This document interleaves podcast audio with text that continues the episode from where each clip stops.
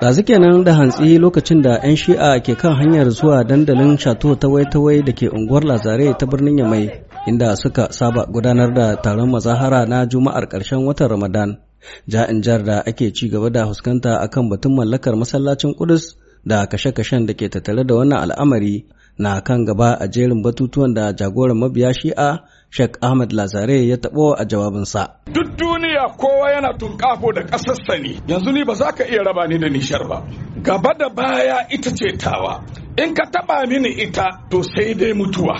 Amma wai ga 'yan uwanmu Falastinawa a ƙasarsu ta haifuwa sun rasa gindin zama, a bi su a kashe har cikin gidaje.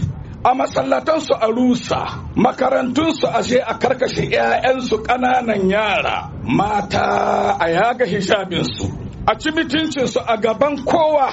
Amma duniya ta yi shuru ba mai cewa ufi falastina wannan ɗan adam ne.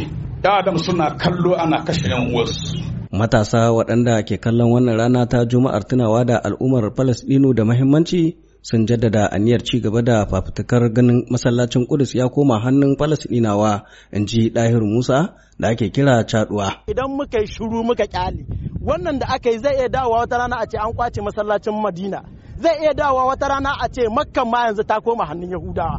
Lura da yadda jinsin mata ke ɗanɗana kuɗa a rikicin Isra'ila da Falastin ya sa mata 'yan shi'a sadaukar da komai nasu don ceto takwarorinsu daga wannan tashin hankali.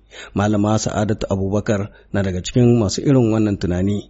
A shirye muke da jininmu da lokacinmu da ma dukiyanmu za mu ba da saboda ganin cewa wannan masallaci na Kudus wanda mai daraja ne daga cikin masallacin shine na uku duk abin da za a duk inda za a shiga to mu ma muna shirye za mu ba da namu guduma mun ba da rayuwarmu wannan zalunci da ake yi na masallacin Kudus ba wanda ma ake cimma mutunci irin mata.